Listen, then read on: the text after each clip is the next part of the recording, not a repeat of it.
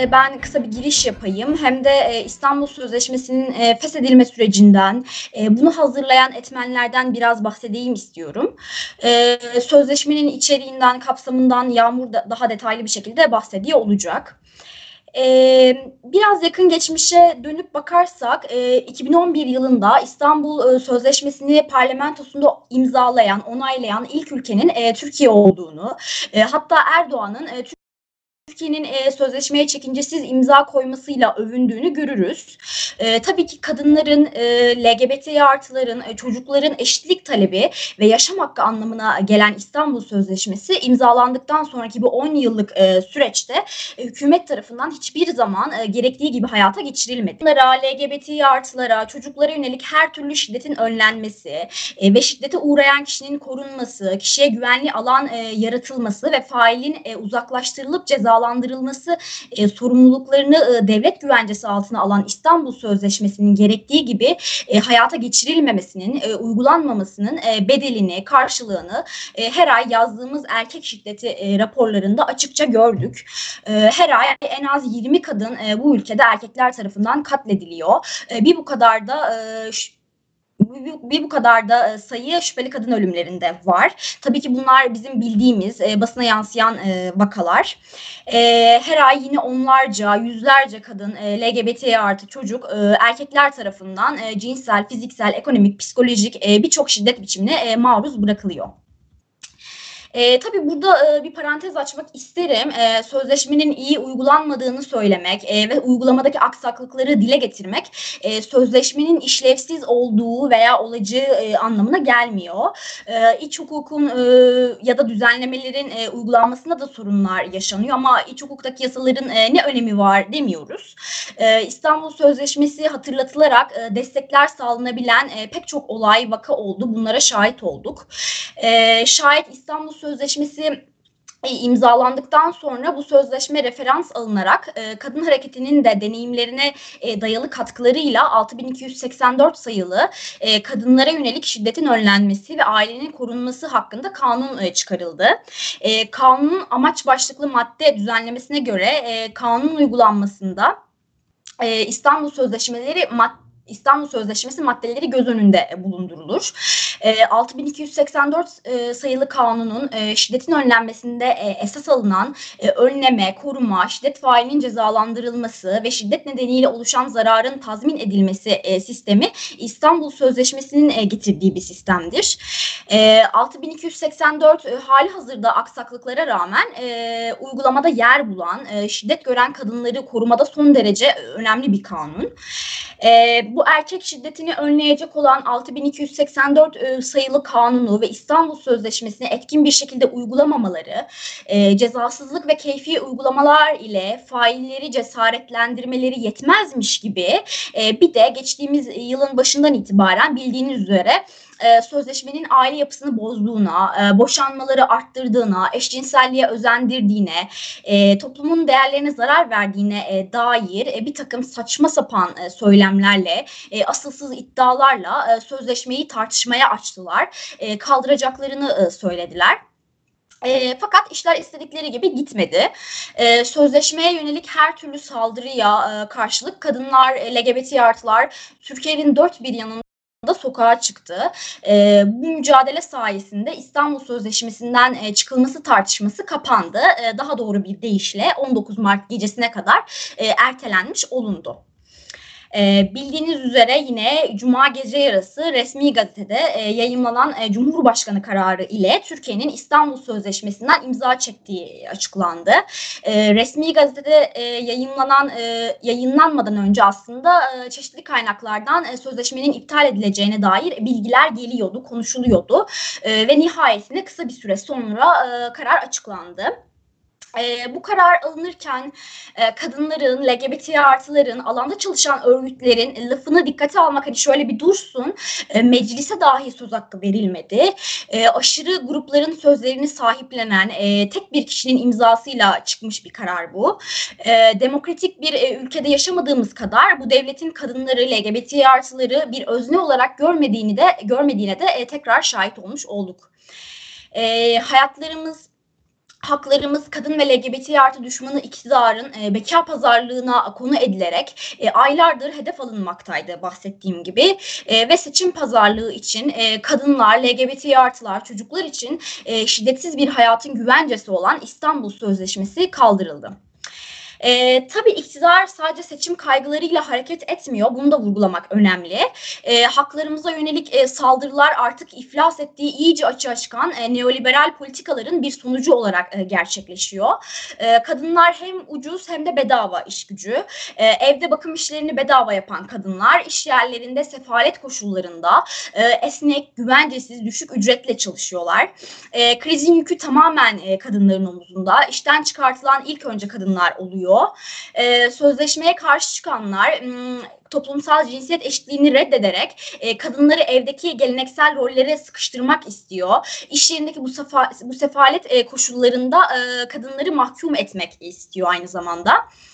Evet şahsım kararı ile bir gecede e, sözleşmeden çıkılmasının ardından e, Süleyman Soylu'nun e, istediğimiz sözleşmeden e, istediğimiz sözleşmenin altına imza atarız, e, istediğimizden de çıkarız e, gibi hiçbir hukuki temele dayanmayan e, akıl dışı e, açıklamalarıyla da karşı karşıya geldik. E, ama bizler biliyoruz ki milyonlarca kadın, LGBT artı ve çocuğun hayatı, e, hakları siz, sizlerin kendi kendine imzaladığı o kararnameler ile belirlenemez. E, İstanbul Sözleşmesi kadınların, LGBT artıların uzun süren mücadeleleri mücadeleleri e, sonucunda e, kazanılmış, e, toplumun büyük çoğunluğunun ortaklaştığı uluslararası bir metindir. Ee, sözleşme binlerce yıldır e, süren e, ikili cinsiyetçi, heteroseksist, erkek, erkek egemenliğinin e, düşmanca politikalarına karşı e, kadınların ve LGBT artıların e, verdiği büyük mücadelenin e, en önemli kazanımlarından biridir. E, tabii bu sözleşmenin feshedilmesine yönelik e, karar sonrasında e, haklarımızı kararnamelerle kazanmadık. E, bir kararname ile de vazgeçecek değiliz diyen e, binlerce kadın e, LGBT artı e, sokağa çıktı. E, hareket e, 19 Mart'tan bu yana e, hem sokakta hem sosyal medyada hem de e, çeşitli mecralarda eylemliliğe devam ediyor. E, ve İstanbul e, Sözleşmesi'nin kadınların yıllardır e, süren mücadelelerinin e, sonucunda yazıldığı, e, sözleşmenin feshedilmesi edilmesinin asla tanınmayacağı, e, İstanbul Sözleşmesi gerektiği gibi uygulanana dek e, erkek şiddeti son bulana kadar e, mücadeleye devam edileceği de e, sürekli vurgulanıyor. Hmm.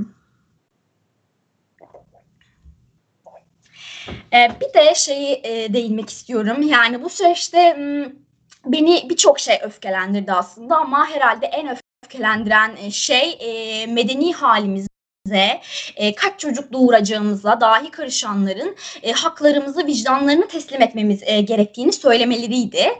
E, biz sizin o vicdanlarınızı, politikalarınızı Boğaziçi Üniversitesi'nden arkadaşlarımızın 2-3 e, gün önce LGBTİ bayrağı taşıdığı gerekçesiyle gözaltına alınmasından, e, 23 kez yani altını vurgulamak istiyorum 23 kez suç duyurusunda bulunan ve takipsizlik kararı sonrasında katledilen Ayşe Tuğba Arslan'dan e, tercüman hakkı hakkı tanınmadığı ve Kürtçe ifadesi alınmadığı için Kazım Altın Makas tarafından katledilen e, Fatma Altın Makas'tan e, 18 yaşında mülteci e, trans kadın Asya'nın e, kimyasalla saldırıya uğramasından e, çıplak arama işkencesini bize e, dayatmanızdan e, çok iyi biliyoruz o vicdanları, e, tanıyoruz. E, kağıt parçası dedikleri şey de bu arada e, biz kadın ve LGBT artıların yaşam güvencesi. E, tabii yine sözleşmeyi e, bir kağıt parçası olarak ima edenlere, e, kadın kadınları kağıtlarda değil vicdanlarda koruyacaklarını e, söyleyenlere karşı LGBT artılar, kadınlar haklarını, hayatlarını iktidarın vicdanına teslim etmeyeceğini söyleyerek e, yaşamlarımız, haklarımız, mücadelemiz İstanbul Sözleşmesi bizimdir, vazgeçmiyoruz e, diyerek e, 19 Mart'tan bu yana e, mücadele etmeye devam ediyor.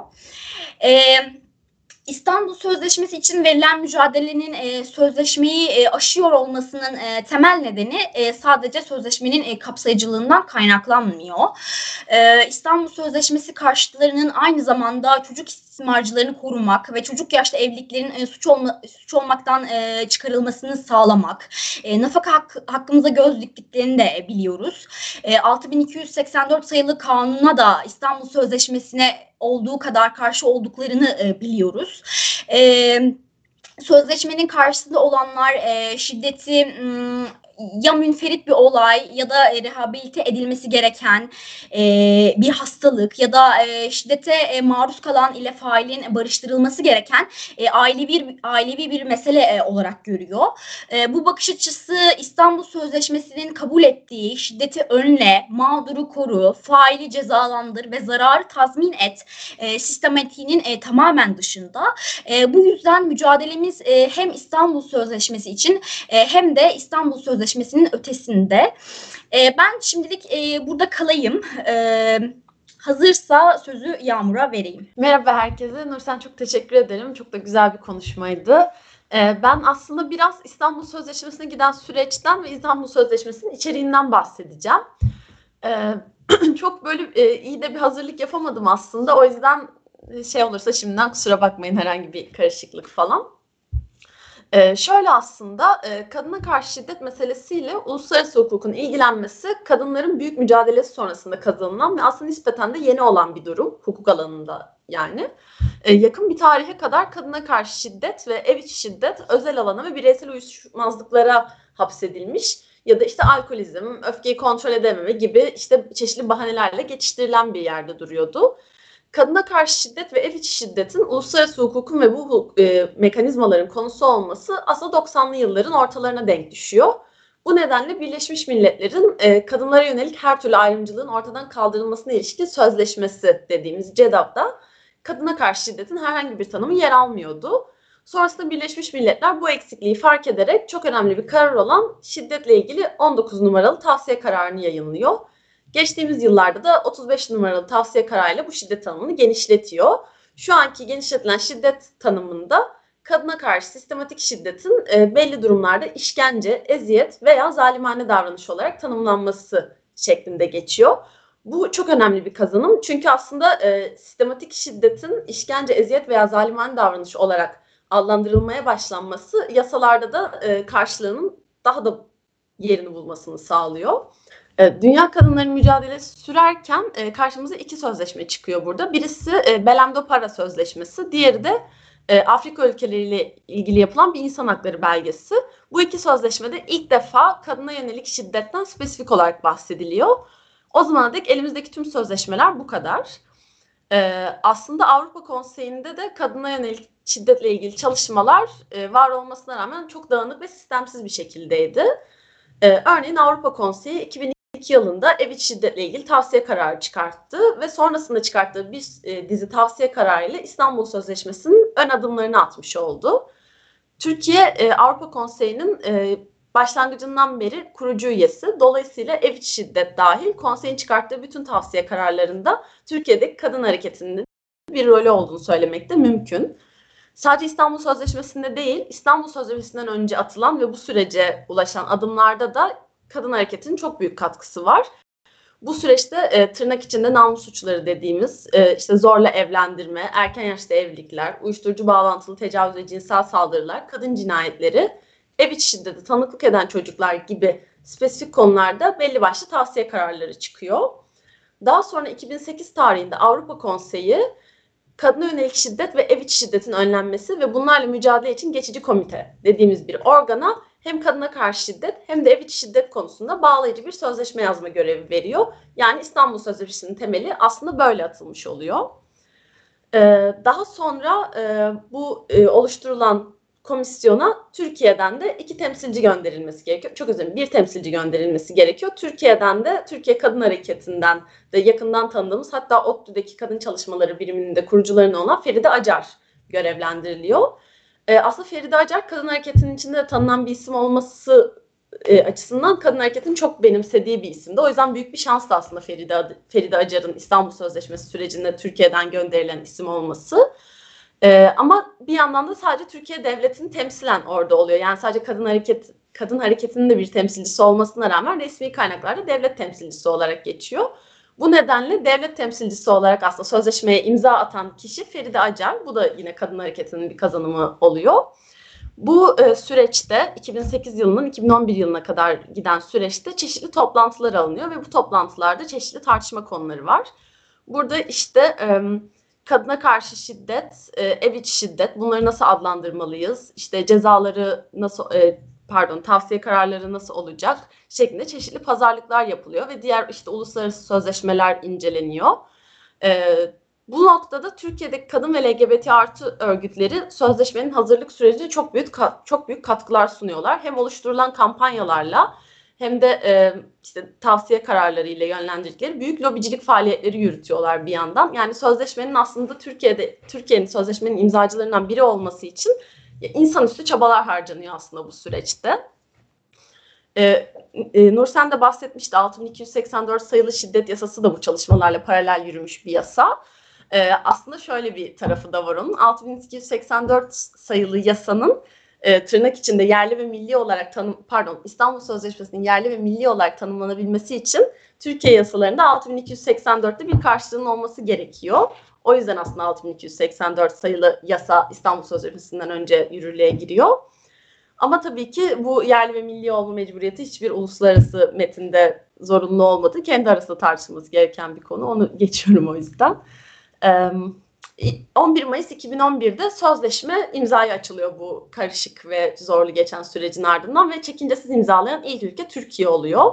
Ama o dönemde de bu dönem yapılan sözleşmeye karşı tartışmalar o dönemde de yapılıyordu. Ee, karalama kampanyaları, ya işte itirazlar, çeşitli çekince koymaya çalışmalar falan o, o zaman da devam ediyordu. Bu çekincelerden birisi e, basit tıbbi müdahale ile giderilebilecek şiddet olaylarının kamu davası olmasını üzeri, üze, kamu davası olması üzerineydi. Ve e, buna karşın kadının şikayetten vazgeçtiği takdirde davanın düşmesi için aslında karşı taraf mücadele ediyordu.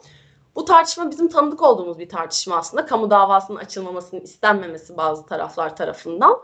Çünkü e, kadın tek başına şikayet ettiğinde erkeklerden, işte aileden, toplum tarafından baskı görür ve şikayetten vazgeçirilmeye çalışılır. Ama bu bir kamu davası olduğunda aslında çok daha farklı ve güvenli bir süreç işletilmesi mümkün oluyor.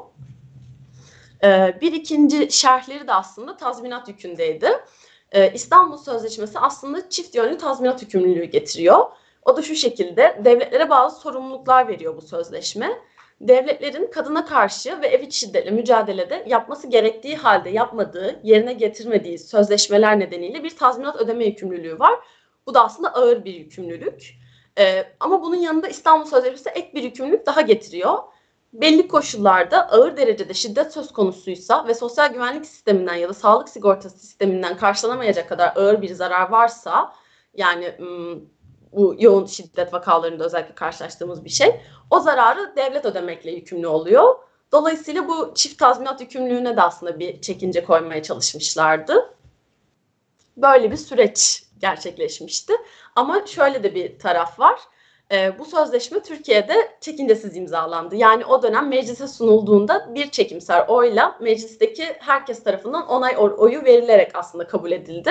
Hatta bu sözleşmeyi o kadar sevdiler ki 11 Mayıs'ta imzalanmasına rağmen 24 Kasım'da tekrar meclise sundular. 8 Mart'ta bir de resmi gazetede yayınladılar yani hani kimsenin haberi olmadan ya da işte karşı çıktıkları şey şu an karşı çıktıkları sözleşmeden haberdar olmadıkları ya da içeriğini bilmedikleri bir durum hiçbir zaman ortada yoktu. Ee, sözleşmenin hazırlanmasında aslında Türkiye'de e, emsal teşkil eden iki olay var. Bir de onlardan bahsetmek istiyorum aslında e, Türkiye'de büyük ses getiren ve emsal teşkil eden Nahide Opuz davası çok büyük önem taşıdı sözleşmenin hazırlık sürecinde.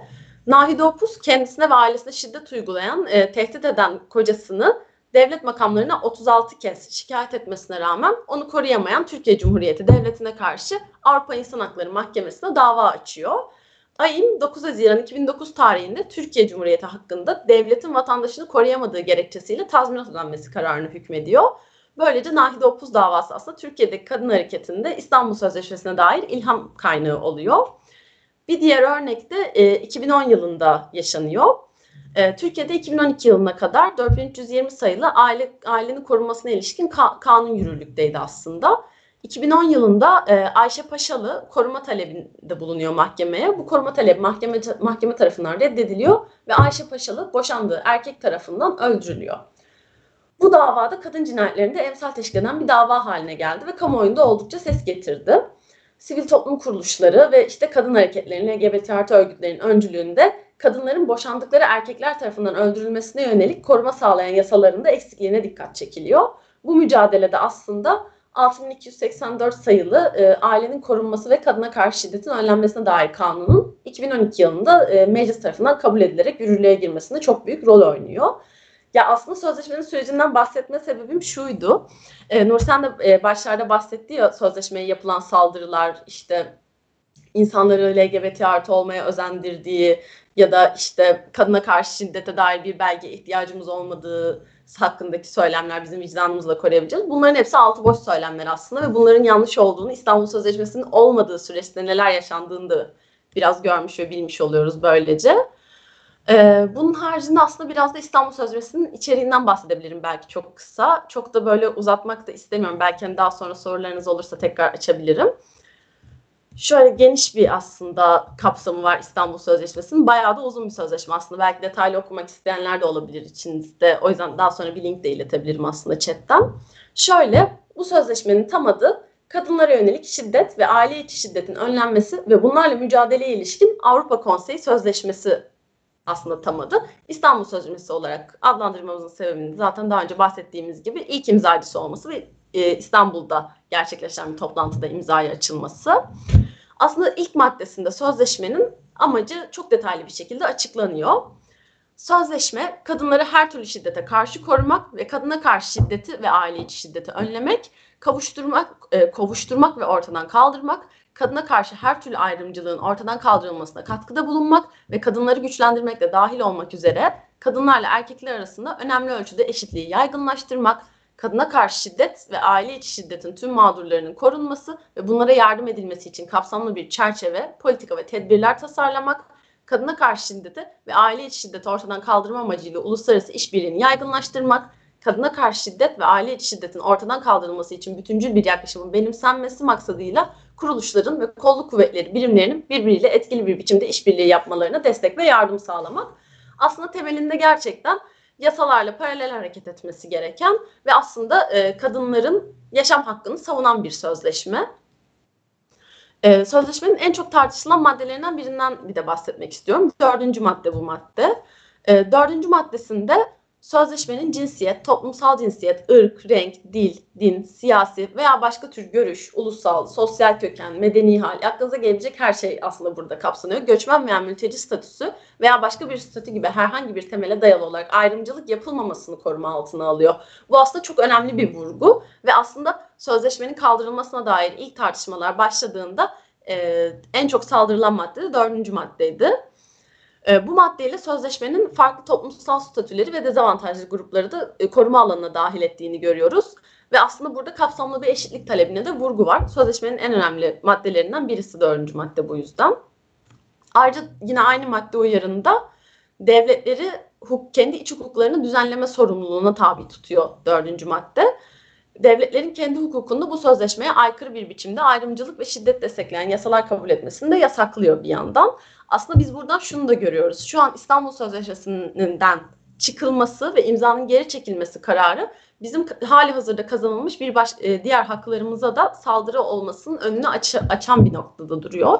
Özellikle 6284 ya da bizim yine çeşitli hukuksal alanlarda kazandığımız mücadelelerin de saldırıya açık bir yerde durmasına sebep oluyor. Ama Nursen de çok güzel söyledi. Yani hani biz e, sokaklarda da mücadeleye devam ediyoruz bununla. Bir kağıtla kazanmadık bu hakları. Bir gecede kazanmadık. Yani bunun arkasında çok uzun erimli bir mücadele var. Bundan sonra bunun sonrasında da çok uzun erimli bir mücadele olmaya devam edecek. O yüzden aslında ya hem İstanbul Sözleşmesi'ni savunmak önemli olduğu kadar şu an hali hazırda sahip olduğumuz haklarımızın da peşine düşmek ve bunların da bir noktada savunusunu yapmak çok önemli. E, bunları söyleyebilirim sanırım ben de şimdilik. Güncel siyaset, kültür, işçi, kadın, çevre, göçmen ve LGBT artı haberleri ve Marksist teori için Marksist.org'u takip edin.